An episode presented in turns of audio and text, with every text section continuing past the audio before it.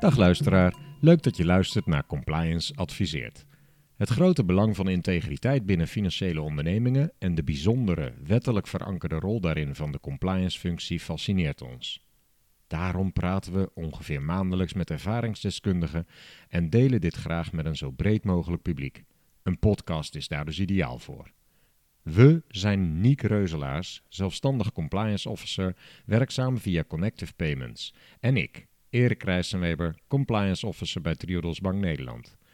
En eh, compliance adviseert, abonneer je op deze podcast, zodat je geen gesprek mist. In deze podcast is de gast Iris Sluiter.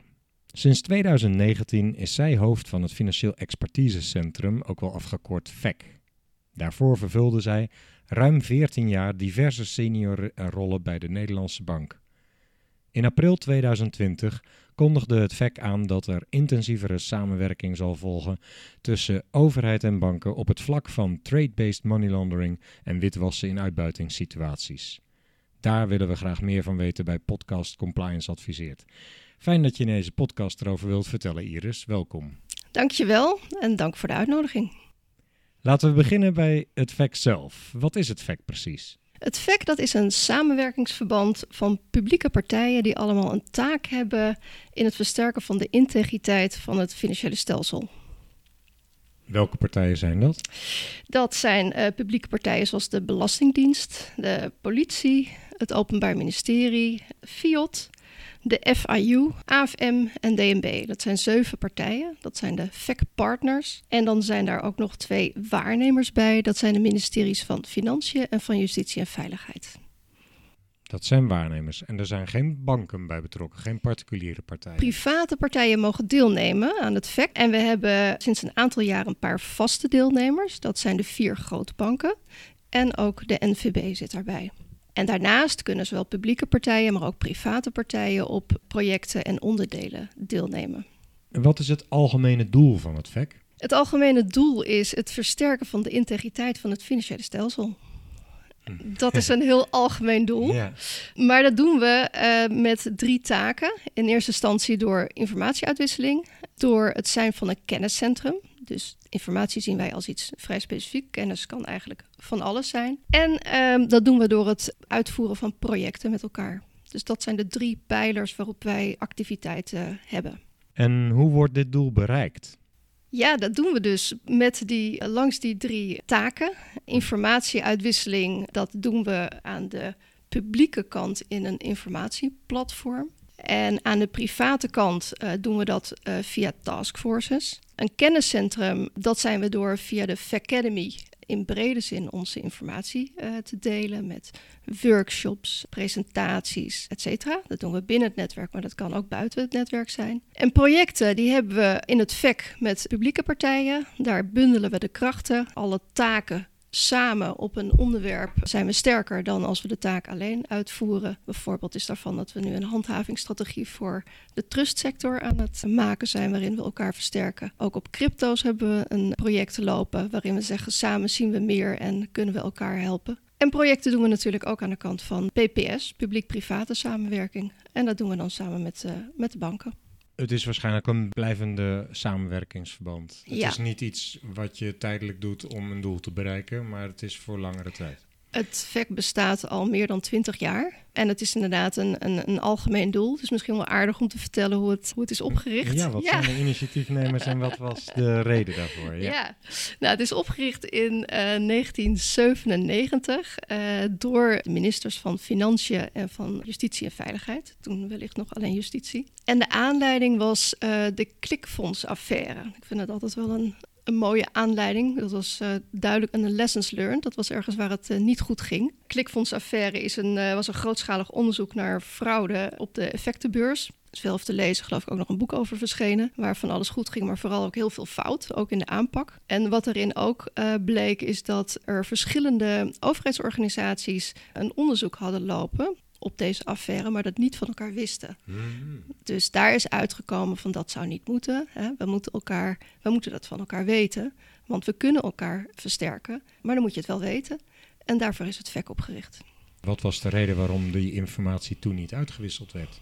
Waren er belemmeringen die weggenomen moesten worden om het VEC op te kunnen richten? Ja, soms is het heel simpel, want dan hoeft er niet zozeer een belemmering te zijn, maar je moet wel van elkaar weten dat er informatie uit te wisselen is. Mhm. En het, dat is het VEC. Het VEC is een eh, financieel expertisecentrum op de expertise van hè, integriteit in het financiële stelsel. Maar dus ook vooral een heel belangrijk netwerk, een platform om van elkaar te weten, elkaar te vinden en ten behoeve ook van je eigen taak informatie uit te wisselen. Ja. ja, je hebt het eh, inderdaad over die drie punten gehad: informatieuitwisseling, kenniscentrum, projectuitvoering. Ook daarover ben ik wel benieuwd hoe dan bijvoorbeeld dat informatieplatform, uitwisselplatform, is er dan een soort software tool wat al die organisaties samen gebruiken? Of hoe moet ik dat zien? Een software tool klinkt heel modern, daar willen we heel graag naartoe. De tools moeten natuurlijk allemaal heel erg betrouwbaar zijn, dus dat doen we stapje voor stapje. Maar we hebben inderdaad wel iets van tooling. Maar ik noemde al, dit is het informatieplatform waarop we dat doen. Daar zijn dan dus de zeven publieke partijen die ik net noemde allemaal op aangesloten. En het begint ermee dat partijen bij zichzelf bedenken, ik heb hier een zaak lopen, zou het niet zo kunnen zijn dat iemand uit het VEC hier meer van af weet. En die zet dan zijn vraag uit. Daar hebben we bepaalde formulier voor over hoe je dat precies uitzet. Belangrijkste is dat het een vraagstuk is wat de integriteit van het financiële stelsel raakt. Want dat is namelijk een onderwerp waar iedereen een taak op heeft. Dus daar mag je informatie op uitwisselen. Gecombineerd met dat in het informatieplatform er een proces is afgesproken in ons informatieprotocol. Dat als we dat volgen, dat we dan ook binnen die wettelijke mogelijkheden blijven. Dus iemand vraagt zichzelf af: ik heb wat te delen. Die brengt dat in in het informatieplatform. Vanuit de ondersteuning, dat is de VEC-eenheid, wordt dat verwerkt. Eerst gecheckt inderdaad op het doel. Is het inderdaad integriteit financiële stelsel dat het raakt? Wordt het verwerkt in een uh, systeem, share-file noemen we dat. En dat, daar kijken dan andere partners naar en die gaan dan in hun organisatie te raden of dat daar speelt. Daar wordt dan op uitgewisseld op een vergadering die we in ieder geval elke maand hebben. Als er echt wat meer te doen is, dan wordt daar in kleinere setting op, uh, op doorgepakt. En hoe vaak komt dat nou ongeveer voor dat er op deze manier een case ingebracht wordt in dat systeem? Nou, dat zijn er uh, gewoon meerdere malen per maand, per week. Ja, dus... Dat is een doorlopende informatieuitwisseling. Zijn dat medewerkers die ook werkelijk in dienst zijn van het VEC? Of zijn die gewoon bij die verschillende onderdelen in dienst? Iedereen van het VEC is uh, in dienst bij een van de partners. Dus het VEC is een netwerk van een samenwerkingsverband. Mm -hmm. um, en er is een klein gedeelte, maar dat zijn dus mensen die zijn gedetacheerd vanuit de partners. Die zijn dus eigenlijk helemaal vrijgemaakt om dit netwerk te ondersteunen. En hoeveel zijn dat er? We hebben de VEC-eenheid en dat is zo'n 10 FTE, dus dat zijn er niet zo heel veel. Mm -hmm. Als je kijkt wat er daarnaast per partner nog een, echt wel een taak heeft in het VEC, dan zijn het vaak wel 10, 10 medewerkers die, die permanent een taak hebben. Als het om projecten gaat, kunnen daar natuurlijk weer incidenteel weer veel meer medewerkers Mensen, achter zitten. Okay. Ja. ja. En dan heb ik het niet over de informatieuitwisseling, want dat zijn natuurlijk zaken die als die informatie is uitgewisseld, uiteindelijk weer het samenwerkingsverband uitlopen. Want dan heeft het zijn doel bereikt, zou Ja. je kunnen zeggen. En dan wordt daar natuurlijk op andere basis uh, verder gewerkt. Ja, het is niet zo dat nadat die informatie uitgewisseld is, daar een, blijvende rol voor het VEC blijft. Het wordt dan, Openbaar Ministerie is, is, is aangesloten bij het AFM en zij pakken dat verder op, maar dat heeft, daar heeft het VEC dan verder geen rol meer in. Nee, tenzij dat zinvol is, maar dat is niet vanzelfsprekend. Het doel is bereikt door inderdaad de partijen bij elkaar te brengen. Denk aan die klikfondsaffaire waar partijen het niet van elkaar wisten en via het VEC uh, weten partijen het wel van elkaar. Ik kan nog één toevoeging maken. Op die informatieuitwisseling is er ook als het gaat om terrorismefinanciering... is er een uh, programma waar ook een team van zo'n 15, 20 personen... permanente analyses doen op signalen die worden uitgewisseld op terrorismefinanciering. Waar zijn die werkzaam, zei je? Dat zijn dus ook gedetacheerde, nou iets anders, Oké. te werkgestelde medewerkers... die vanuit de partners eigenlijk permanent bezig zijn met de analyse... op informatieuitwisseling op het onderwerp terrorismefinanciering. Mhm. En waarom is dat daar afzonderlijk een analyseteam uh, opgesteld? Omdat daar het wel nodig is om de signalen die worden uitgewisseld met wat kennis op te werken tot iets wat waardevol is voor het hele netwerk. Terrorismefinanciering is wel echt een specialisme. Dat heb je niet in alle, bij alle partners ruim voorhanden. En op deze manier kunnen we met de kennis die er is in het netwerk toch nog tot mooie inzichten komen. En als je het hebt over kenniscentrum, is dat dan een kenniscentrum voor de publieke partijen die aangesloten zijn alleen? Of is dat ook voor andere partijen die ook bezig zijn met bestrijding terrorisme en financiering? Nou, dat is niet beperkt. Eh, maar ik moet wel zeggen dat het de afgelopen jaren echt wel alleen voor de aangesloten betrokken organisaties er is geweest. Maar dat is ook, het is een van origine een, een, een, netwerk van publieke partijen. Het komt allemaal vanuit de partners. Hè. Dus er zit niet een groot uh, commercieel uh, doel achter. Want zeker ook in deze tijden merk je dat uh, communicatie ook best wel wat aandacht en inspanning en geld kost. dat is niet direct wat erachter zit, maar er zijn ons wel heel erg te degen van bewust dat we dat meer moeten gaan doen, omdat we gewoon ook anderen zoveel te vertellen en te leren hebben. Ja, dus dat is wel een doelstelling, een ambitie van het VEC om meer naar buiten te treden? Zeker, ja. 2019 is natuurlijk een heel bijzonder jaar geweest als je kijkt naar integriteit in het uh, financiële stelsel.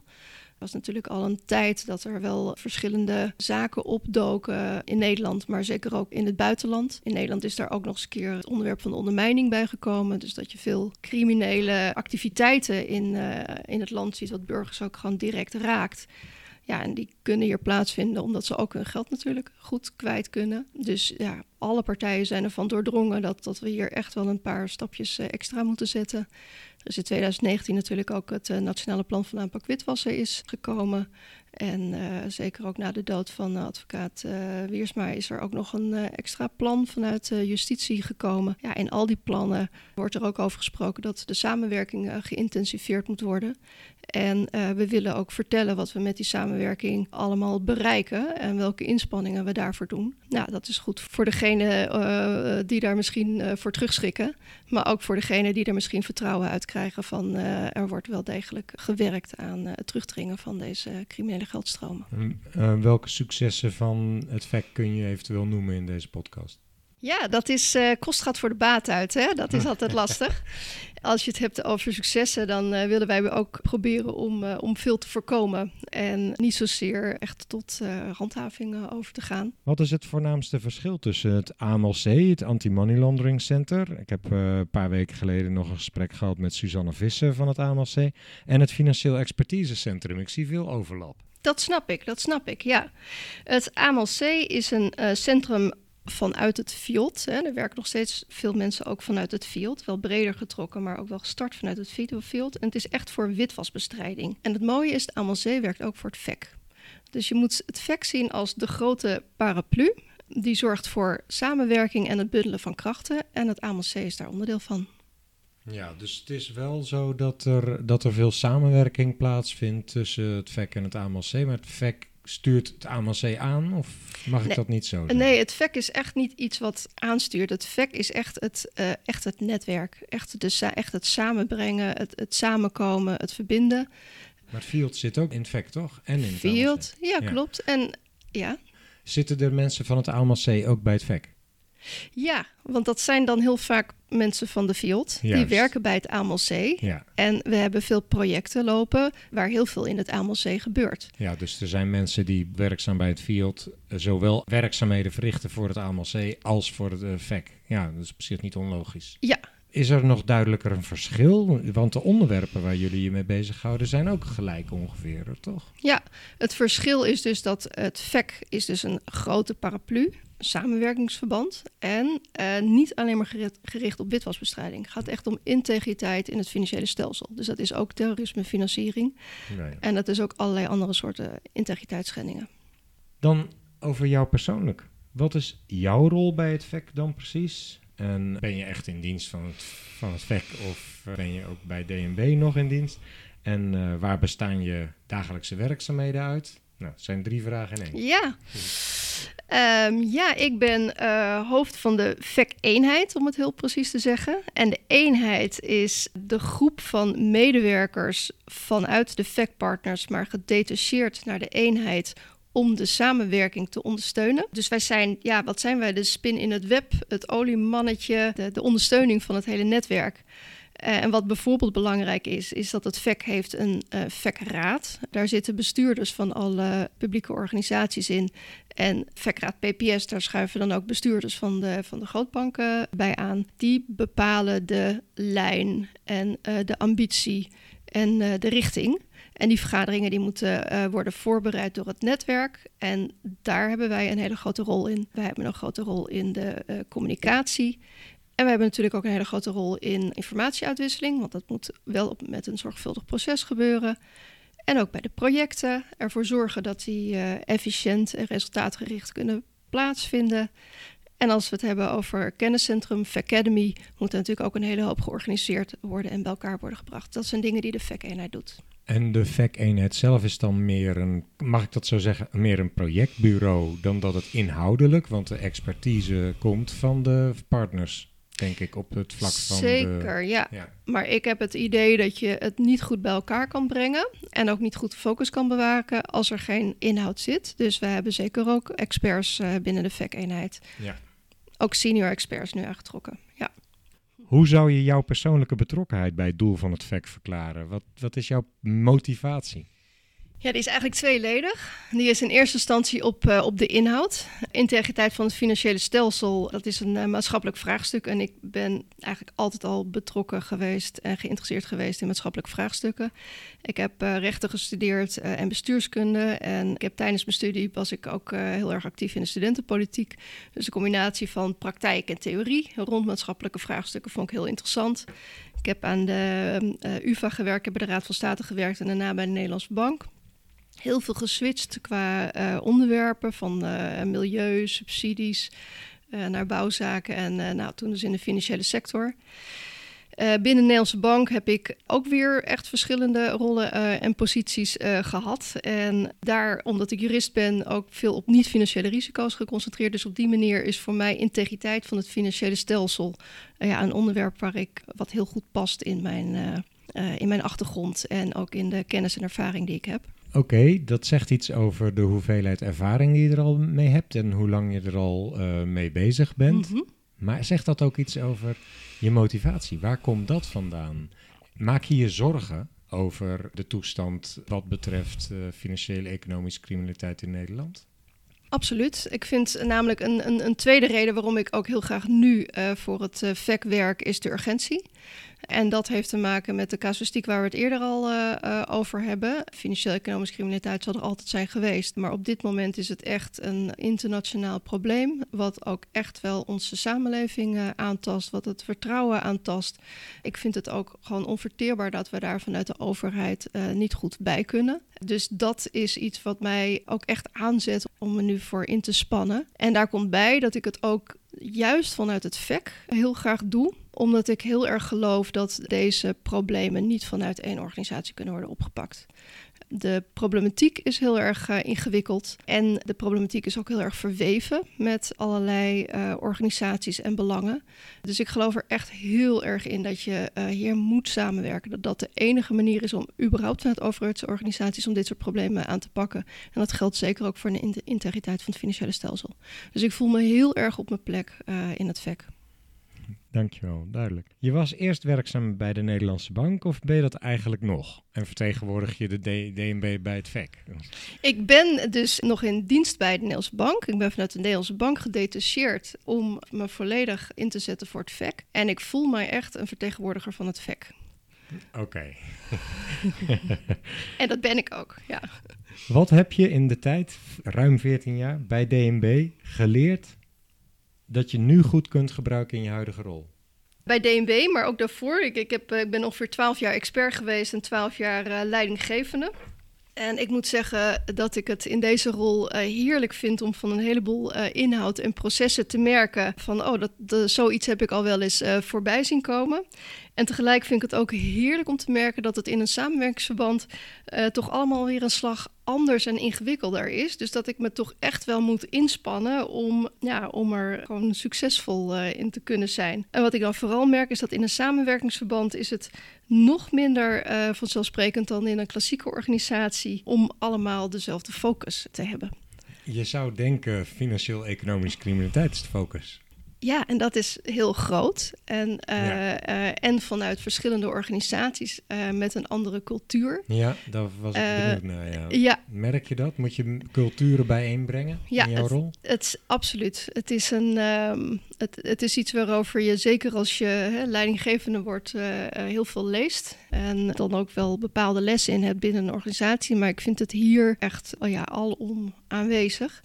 En ik vind het ook echt heel erg uh, belangrijk om daar goed bij stil te staan. Omdat ik ook heel goed begrijp, juist ook omdat ik bij de Nederlandse Bank heb gewerkt. Omdat ik gewoon vanuit de organisatie kom. Dat je heel erg ja, gewoon een soort van wordt opgevoed om op een bepaalde manier en met een bepaald doel en een bepaalde uh, taak en een, resultaat voor ogen uh, ergens aan te werken. En ook al hebben we allemaal hetzelfde grotere doel, dat wil niet zeggen dat we er op dezelfde manier in staan.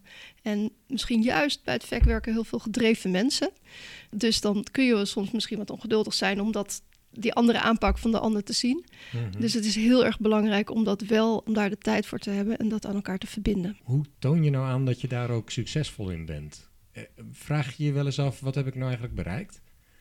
Nou, dat, kijk, ik ben nog niet zo heel lang bezig en ik geloof wel van de stappen zetten. Ik vind het heel erg aantrekkelijk dat met wat er vorig jaar allemaal aan rumoer was, dat uh, de VEC-raad uh, samen met de private partners, dus VEC-raad PPS, uh, hebben gezegd, we hebben nu echt wel een ambitie. Hè? We hadden het al over het algemene doel wat het VEC heeft en de constante informatiestroom die er is als het gaat om witwasbestrijding met name, wordt er nu ook wel gezegd: ja, wij willen ook echt wel die criminele geldstromen terugdringen. Ik vind dat heel aantrekkelijk en ik heb ook het idee dat we wel een, naar een aanpak toewerken waarmee we dat kunnen bereiken. Dat heb je dus niet meteen als resultaat in je zak zitten na een half jaar. Nee, logisch. Maar het is wel, ik vind het heel inspirerend om daarin stappen te zetten en dus ook het gevoel te hebben van resultaat in de zin van we zetten stappen naar, uh, naar een doel wat we ja, wat gewoon heel belangrijk is en ook tastbaar. Zou je jezelf een doel kunnen stellen in de zin van we dringen de hoeveelheid geld wat door de banken gaat, bijvoorbeeld, ik noem maar wat, hè, een concreet doel, uh, wat met witwassen te maken heeft, dat dringen we terug. Of we leggen een grote hoeveelheid uh, straf op aan partijen die zich niet aan de wet houden. Of uh, is er zo'n soort doel stelbaar, denkbaar? We hebben wel voor ogen dat we inderdaad echt wel een bijdrage willen leveren aan het terugdringen van die criminele geldstromen.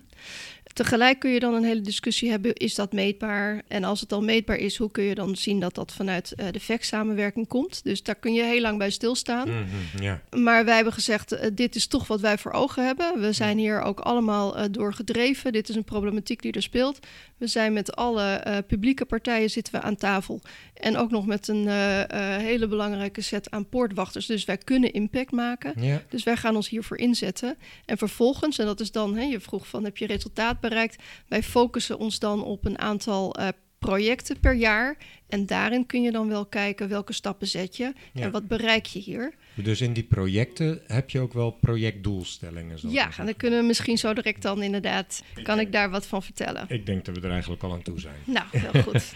in april 2020 bracht het VEC dus het bericht naar buiten dat er intensiever zal worden samengewerkt tussen overheid en banken op het vlak van trade-based money laundering en witwassen in uitbuitingssituaties. Voordat we daarop verder gaan, voor wie dat nog niet weet, wat is trade-based money laundering precies? Of welke definitie hanteert het VEC? Trade-based money laundering, dat gaat om uh, legale handel die dan wordt gebruikt als dekmantel voor illegaal geld.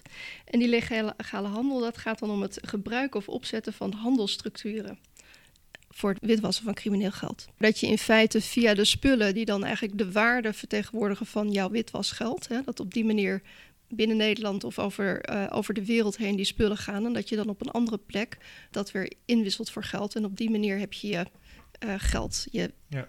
ten eerste wit gewassen, maar ook ergens anders uh, naartoe gebracht. Ja.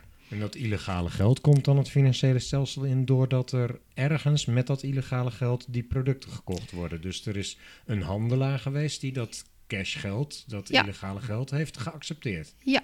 ja. En als we het dan hebben bijvoorbeeld over uh, geldstromen voor banken, is dat moeilijk te zien. Want die zien namelijk daar wel gewoon een handelsstroom. Hè? Dat kan gewoon van een bedrijf zijn, wat ook echt een bedrijf is. Zegt dat hij bepaalde dingen heeft verkocht of aangekocht. Dat op zich hè, eh, zou dat kunnen. Maar uh, dat wordt dan op zodanige manier gedaan dat daarmee verhuld wordt dat er eigenlijk geld wordt witgewassen. Ja, als het uh, veel, meer, veel meer voor wordt betaald dan wat het werkelijk waard is. Inderdaad, dat is dan hoe het gebeurt. Ja. Het andere onderzoek is inderdaad over uitbuitingssituaties. En wat is dan jullie definitie van witwassen in uitbuitingssituaties? Uitbuiting, dan is er sprake van uh, ernstige benadeling van, van werknemers, oftewel misbruik. En dan moet je dus denken dat personen zonder werkvergunning te werk worden gesteld. Ze worden onderbetaald, er is geen verzekering voor hun uh, afgesloten. Ze hebben lange werktijden. nou, in feite krijgen die werknemers niet de bescherming die ze behoren te krijgen. En binnen die groep is er dan ook een groep die ook echt die arbeid onder dwang moet uitvoeren. En als dat het geval is, dan is ook echt sprake van mensenhandel. En het aspect wat het FEC dan aanpakt is met name de, de witwas kant ervan? Ja, we pakken, kijk, je, je, zou kunnen zeggen dat die uitbuitingssituaties, dus inclusief mensenhandel, dat is illegaal ja, zeg maar verkregen illegaal geld. verkregen geld. Mhm. En dat geld moet ergens naartoe en dat wordt dan witgewassen. Het is gewoon heel erg lucratief, zowel uh, om deze illegale activiteiten te bestrijden, om eigenlijk gewoon het geld te blokkeren. En daarmee houden we ook ons financiële stelsel schoon. Dus op die manier snijdt het mes aan twee kanten. En dus is dit onderzoek. Uh, mm Maar op het moment dat mensen uitgebuit worden en daar wordt geld mee verdiend, dan is er op dat moment illegaal verkregen geld. Dat is nog niet het witwassen zelf. Nee. Je zou jezelf zo'n combinatie kunnen voorstellen van die twee. Door de uitbuitingssituatie kom je aan illegaal verkregen geld en trade-based money laundering gebruik je om het vervolgens wit te wassen. Ja, alleen trade-based money laundering gaat dan echt over goederenstromen. Mm En bij uitbuitingssituaties gaat het dus om het geld wat daarmee is verkregen, wat vervolgens wel in het financiële stelsel terechtkomt. Zo wordt het. Ja, ja, ja. maar TBML gaat... is eigenlijk een witwasmethode. En witwassen in uitbuitingssituaties is eigenlijk, uh, of nee, uitbuitingssituaties is eigenlijk een manier om illegaal uh, geld te verkrijgen. Klopt. In die zin is het onderwerp duidt op een ander uh, deel inderdaad van de activiteit. Ja, ja, toch? Ja. ja. ja. Met, met welke partners wordt in het kader van witwassen in uitbuitingssituaties samengewerkt? Nou, wat eigenlijk bij alle projecten gebeurt, is dat je het met alle partijen doet. Dezelfde als de andere projecten? Ja, ja, alleen zeker bij de publiek-private samenwerking, uh, waar natuurlijk de poortwachters, in dit geval de banken, uh, aanschuiven, focussen we ons natuurlijk al echt op de informatie die bij de banken uh, binnenkomt. En vervolgens ook hoe zij die moeten verwerken in de meldketen. Dus dan zijn die partijen die daar direct bij betrokken zijn, ja, op een ander moment betrokken in het project dan de andere partijen. Um, wat is namelijk hetgene wat we daar nu doen? We focussen ons heel erg op kennisontwikkeling. Dat is ook het verband tussen deze twee projecten. De illegale gelden die komen in het geldstelsel. Wat moeten de poortwachters doen? Die moeten hun hè, know your customer, die moeten hun klant goed kennen. Wij denken dat met die extra kennis die wij met elkaar kunnen brengen, banken hun customer beter kunnen kennen en dus ook kunnen herkennen van dit is een ongebruikelijke transactie. Wat we zelfs willen doen is dat we met de kennis die we hebben, dat we die willen omzetten naar queries, waardoor ze ook gewoon daar goede zoekfuncties in hun data uh, op kunnen doen. Bij het samenbrengen van kennis zijn de relevante partners betrokken, maar kunnen ook partijen van buiten uh, betrokken zijn. Als het gaat om het onderzoek van het project van de uitbuitingssituaties, dan is bijvoorbeeld ook de UVA heeft daar een belangrijke bijdrage uh, geleverd. Universiteit, Universiteit van, van, Amsterdam. Ja? ja. Ja, want net als bij TWML, daar had, uh, daar had AMLC bijvoorbeeld al uh, goede ervaringen uh, opgedaan over hoe werkt dat eigenlijk, TWML. En bij uitbuitingssituaties was het zo dat er al een pilot had gedraaid tussen de UVA, UvA, ABN AMRO en inspectie SZW. En die hadden ontdekt dat juist veel informatie in bankgegevens te vinden is om deze illegale gelden op te sporen. Hoe komt witwassen in uitbuitingssituaties aan de orde in het VEC? Het komt in het VEC vanwege een project. En ik zal wat vertellen over het project. Dat is geïnitieerd ook vanuit de inspectie van SZW. Uh, die heeft eerder al met uh, de Universiteit van Amsterdam en met ABN AMRO ontdekt dat je juist in bankgegevens heel veel informatie kan vinden wat duidt op die uitbuitingssituaties. Misschien even terug naar inspectie uh, SZW. Die ontvangt jaarlijks zo'n 400 signalen en meldingen over misstanden in verband met uitbuitingssituaties. Uh, waar dus een onderdeel daarvan is ook gedwongen arbeid, dus mensenhandel. Maar die signalen kunnen uit verschillende bronnen komen. Dat is niet bank uh, ongebruikelijke nee, transacties. Nee, dit is zeg maar het hele ruime. de inspectie die legt daar jaarlijks meer dan duizend boetes voor op. Maar de excessieve gevallen, dus dat is niet een enkele overtreding, maar echt grootschalig opgezet. Dat zijn tientallen meldingen en daar zijn zo'n 30 tot 40 onderzoeken op gebied van uitbuiting die daar jaarlijks lopen. En 10 tot 15 onderzoeken op gebied van uh, mensenhandel. En het project wat nu bij het VEC draait, dat richt zich ook echt op die laatste groep. Dus echt excessieve gevallen waar ook strafrechtelijke vervolging plaatsvinden. En wat zien we daar? Dat daar ook de complexiteit toeneemt. Waar in heel veel van dit soort uitbuitingssituaties er met een bedrijfsbezoek al een heleboel geconstateerd kan worden uh, wordt eigenlijk gewoon de laatste tijd ontdekt dat er veel meer fraudeconstructies echt plaatsvinden. Dus echt een constructies om die uitbuiting te verhullen. En nou, waar moet je dan aan denken? Bijvoorbeeld uh, schijnconstructies. Dan heb je het over een ZZP'er. Dat is voordelig voor de werkgever, maar dat zou ook voordelig moeten zijn voor de ZZP'er zelf. Maar bijvoorbeeld als uit bankgegevens blijkt dat die ZZP'er wel heel erg weinig verdient. En als ook nog eens een keer uit die gegevens blijkt dat het loon van een hele groep ZZP'ers naar één adres gaat als je ook nog eens een keer kan achterhalen dat er een uh, groep ZZP'ers huurt gezamenlijke woonruimte bij één persoon, eventueel ook nog eens een keer de werkgever, dan kun je op die manier zien van er is hier sprake niet zozeer van een ZZP'er, maar van een schijnconstructie. Hm. Een ander voorbeeld is fraude met uh, kennismigranten. Als je uit de bankgegevens kan halen dat het inkomen wat die kennismigrant krijgt eigenlijk helemaal niet past bij wat je zou verwachten van een kennismigrant, dan heb je daar eigenlijk ook al informatie uit waarvan je kan zeggen er klopt hier iets niet. Dus aan de ene kant gaat het om serieuze problematiek, hè? excessen als het gaat om, uh, om uitbuiting. Ook mensenhandel valt daarop onder. Daar worden dus echt serieuze constructies voor opgericht. En nou ja, er is dus in een kleine pilot ontdekt dat je juist uit informatie bij banken daar indicatoren kan vinden om dit, uh, om dit op te sporen. Het gaat hier natuurlijk ook om het witwassen van geld, als op een gegeven moment die gelden in de financiële geldstromen bij de banken komen. Dus op die manier kunnen deze zaken worden aangepakt. En dat is waar dit project op focust. Helder. Hoe krijgen de banken die informatie van het FEC terug, waar ze dan op moeten letten? Dat is wat we nu als VEC ook echt aan het oppakken zijn. Dat wij denken, we hebben zoveel kennis en informatie binnen het VEC. En als we niet binnen het VEC hebben, dan kunnen we ook vast wel daar uh, hulp van krijgen buiten het VEC. In dit geval is de UvA dus een voorbeeld daarvan om al die informatie samen te brengen.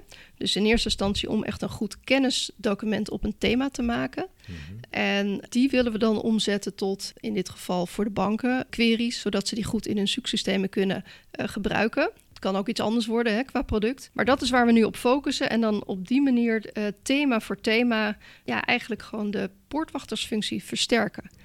En daarbij kijken we dus hoe goed doet die portvachtersfunctie dan. Dat doen we ook door vervolgens te kijken in de hele keten daarna wat daar is aangeleverd aan informatie, hè, ongebruikelijke transacties. Hoe succesvol zijn die in het kunnen gebruiken in de handhavingsketen? Dus we gaan ook stapje voor stapje kijken van wat daar aangeleverd is. Was dat, uh, was dat raakgeschoten? Of zat daar nog veel informatie of meldingen tussen waar niet zoveel mee kan. En op die manier eigenlijk die indicatoren, dus ook aan de voorkant weer dat aanscherpen om ja, ertoe te komen dat uh, banken makkelijker en met minder inspanning uh, dit soort uh, zaken kunnen opsporen. En ja, voorkomen is beter dan genezen. Wij zetten inderdaad echt in op voorkomen. Ik zie toch een soort link met dat TMNL nu ontstaan. Want ik denk dat TMNL voor jullie ook heel... zijn jullie daarbij betrokken, TMNL? TMNL, ja, kijk, als je kijkt... Monitoring Nederland. Zeker, zeker, ja, want uh, nou, ik, ik, vertel je al dat wij in de PPS, dus de publiek-private samenwerking, VEC PPS, inderdaad echt inzetten op dat de poortwachters uh, effectiever kunnen werken. Poortwachters denken daar zelf natuurlijk ook over na, door ook de krachten te bundelen. Dus dat is iets wat wij van harte uh, toejuichen. En ook in de projecten die we draaien, als wij daarmee eigenlijk één aangrijpingspunt hebben waarmee we die kennisontwikkeling kunnen omzetten naar een, in dit geval een query, maar het kan ook iets anders zijn, maar in ieder geval een tool die zij weer goed kunnen gebruiken, dan, is dat, dan gaat dat natuurlijk makkelijker.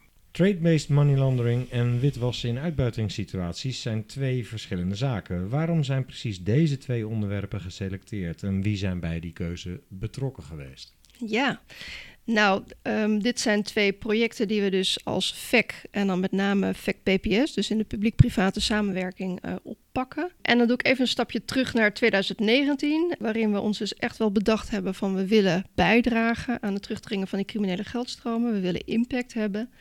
Um, VEC PPS is al enorm gegroeid in de afgelopen jaren. Er zijn twee taskforces die daar lopen. Eentje op terrorismefinanciering en de andere die is ook nog eens in 2019 gestart op serious crime. Daar verwachten we ook uh, mooie successen in. Maar we wilden meer en we hebben echt sterk het idee dat we ook met kennisontwikkeling wat we namelijk ontzettend veel hebben in ons netwerk, dat we daar ook echt wel van moeten hebben om uh, impact uh, te krijgen. En nou, daar hebben de onderwerpen mensenhandel, uitbuiting en ook TBML voor gekozen. Uh, omdat we denken dat we daar in eerste instantie dan ook echt stappen kunnen zetten. Als je kijkt naar uitbuiting en mensenhandel, dat is natuurlijk ethisch heeft dat enorme impact. Het is een afschuwelijke onderliggende criminaliteit die daar uh, plaatsvindt. En nou, wat ik al zei, er was al een uh, succesvol experiment van ABN AMRO, Universiteit van Amsterdam en Inspectie SZW. Dus daar lag al behoorlijk wat kennis in ons netwerk, wat we konden inzetten. Dan in de grote VEC-paraplu dat verder ontwikkelen, hadden we het idee dat we daar inderdaad snel stappen konden zetten. En vergelijkbaar uh, bij eh, TUML, het gebruiken of opzetten van handelsstructuren voor witwassen van crimineel geld. Daar was dus bij AMLZ al de nodige kennis op gedaan. TBML is iets waar je ja, waarschijnlijk ook kwantitatief hele grote impact mee kan hebben als dat eenmaal goed gaat uh, lopen. Dus we hadden het idee dat dit ook absoluut iets is wat we in, in het VEC, hè, in de grote paraplu, uh, moesten gaan uitzetten. En nou, beide projecten draaien. Zien we nu mooie queries al wel draaien. Het is even afwachten wat daar uh, precies uh, uitkomt. Maar het ziet er allemaal heel erg goed uit. Wordt ook heel erg enthousiast aan gewerkt. We kijken heel erg uit ook naar de monitoring die er straks gaat plaatsvinden als het echt in de keten uh, draait. Dus als er transactie, hè, ongebruikte transacties worden gemeld, wat er dan aan. In de um, keten zijn dan de banken, bedoel je? Denk ja, dus de banken die gaan melden. De FAU die kijkt dan naar van Juist. wat is hier precies gemeld. Zit hier informatie bij waar we heel veel mee kunnen. Vervolgens gaat de opsporing.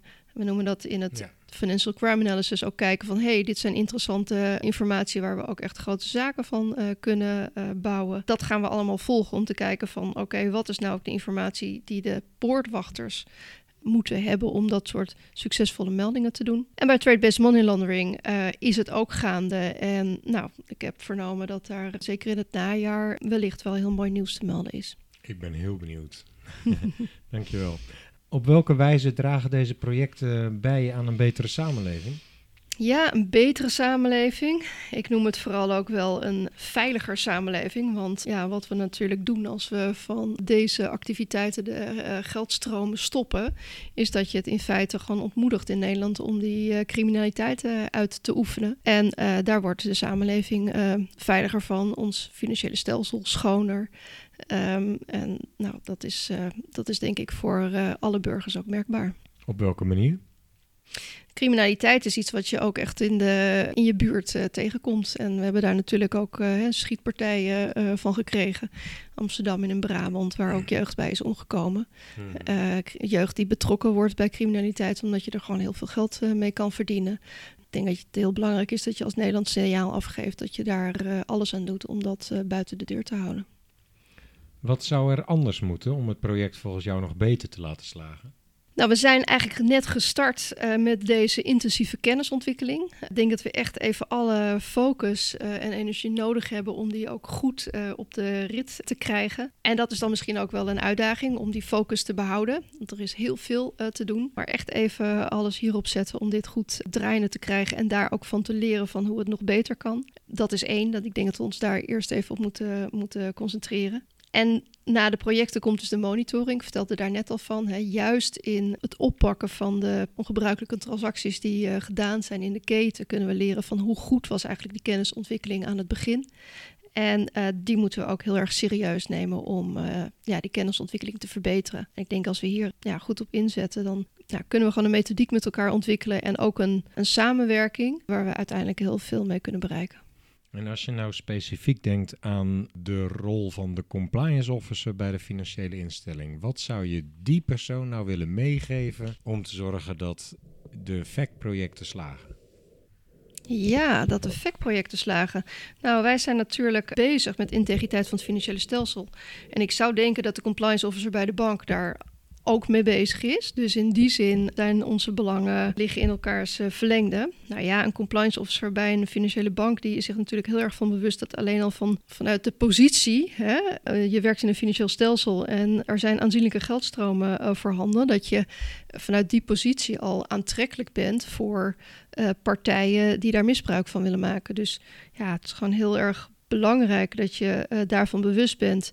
En via het VEC en de kennis die we daar ontwikkelen, kun je daar denk ik meer van leren en meer inzicht in krijgen. Daar komt nog eens een keer bij dat als je bij een bank werkt, die heeft de rol uh, van poortwachter. Uh, dat geeft een extra verantwoordelijkheid om ook echt alert te zijn op die ongebruikelijke transacties.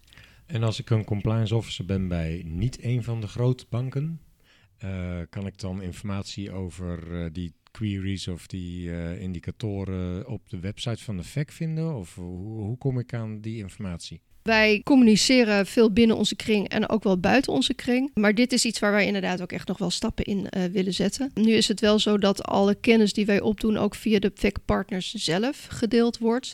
Bijvoorbeeld de Nederlandse Bank uh, geeft guidance aan uh, de onder toezicht staande instellingen. Daarin zit verwerkt de informatie die in het VEC is opgedaan. Okay. FIU geeft ook allerlei guidance aan partijen via nieuwsbrieven. Dat is informatie die kennis die in het VEC is opgedaan. Amalzee heeft eindeloos veel nieuwsbrieven. Ja. Dat is ook allemaal gebaseerd op kennisontwikkeling die in het VEC is opgegaan. En ook goede podcasts trouwens hebben ze.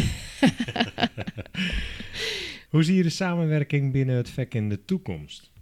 Nou, die, uh, die uh, zie ik wel zonnig uh, tegemoet. Terwijl ik ook wel denk dat die in essentie eigenlijk heel goed is en ook lastig. En dat hij dat ook wel in de toekomst zal blijven. Als we mooie stappen met elkaar zetten en dingen bereiken, dat geeft vertrouwen. Ook voor de samenwerking. Dus dat ik verwacht dat we daarin wel kunnen groeien tot slot, aanhakend op de titel van deze podcast, uh, heb je nog een uh, belangrijk advies voor uh, de luisteraars van deze, deze podcast? Iets wat je mee zou willen geven aan de luisteraars? Ja, ik ben voor mezelf altijd wel, hou ik wel van uh, om een goede balans te vinden tussen hoofd, hart en handen. En als ik dan kijk naar de compliance officer, dan uh, als ik denk aan het hoofd, dan zou ik zeggen blijf uh, leren, blijf lezen, blijf luisteren. En dat doen meeste compliance officers wel. Dus wil ik eigenlijk ook vooral benadrukken de volgende stap, namelijk het hart. En dat is vertrouwen op je intuïtie.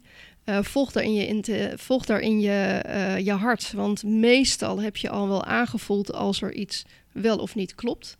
Uh, dus ik zou zeggen, luister daar goed naar. En dan komen we bij de handen. Onderneem ook actie. Hè? Doe iets met je kennis en ervaring en met wat je daarbij voelt. Heel goed advies, dankjewel. Bedankt voor alle informatie, de tijd die je erin hebt gestoken en heel veel succes met de toekomst van het VEC. Hartelijk dank en heel graag gedaan. Abonneer je op de podcast, zou ik willen zeggen tegen de luisteraar. En laat nog een waardering achter voor deze podcast in je podcast-app. Op de iPhone-app kan dat bijvoorbeeld met sterretjes. En nou, graag tot de volgende podcast.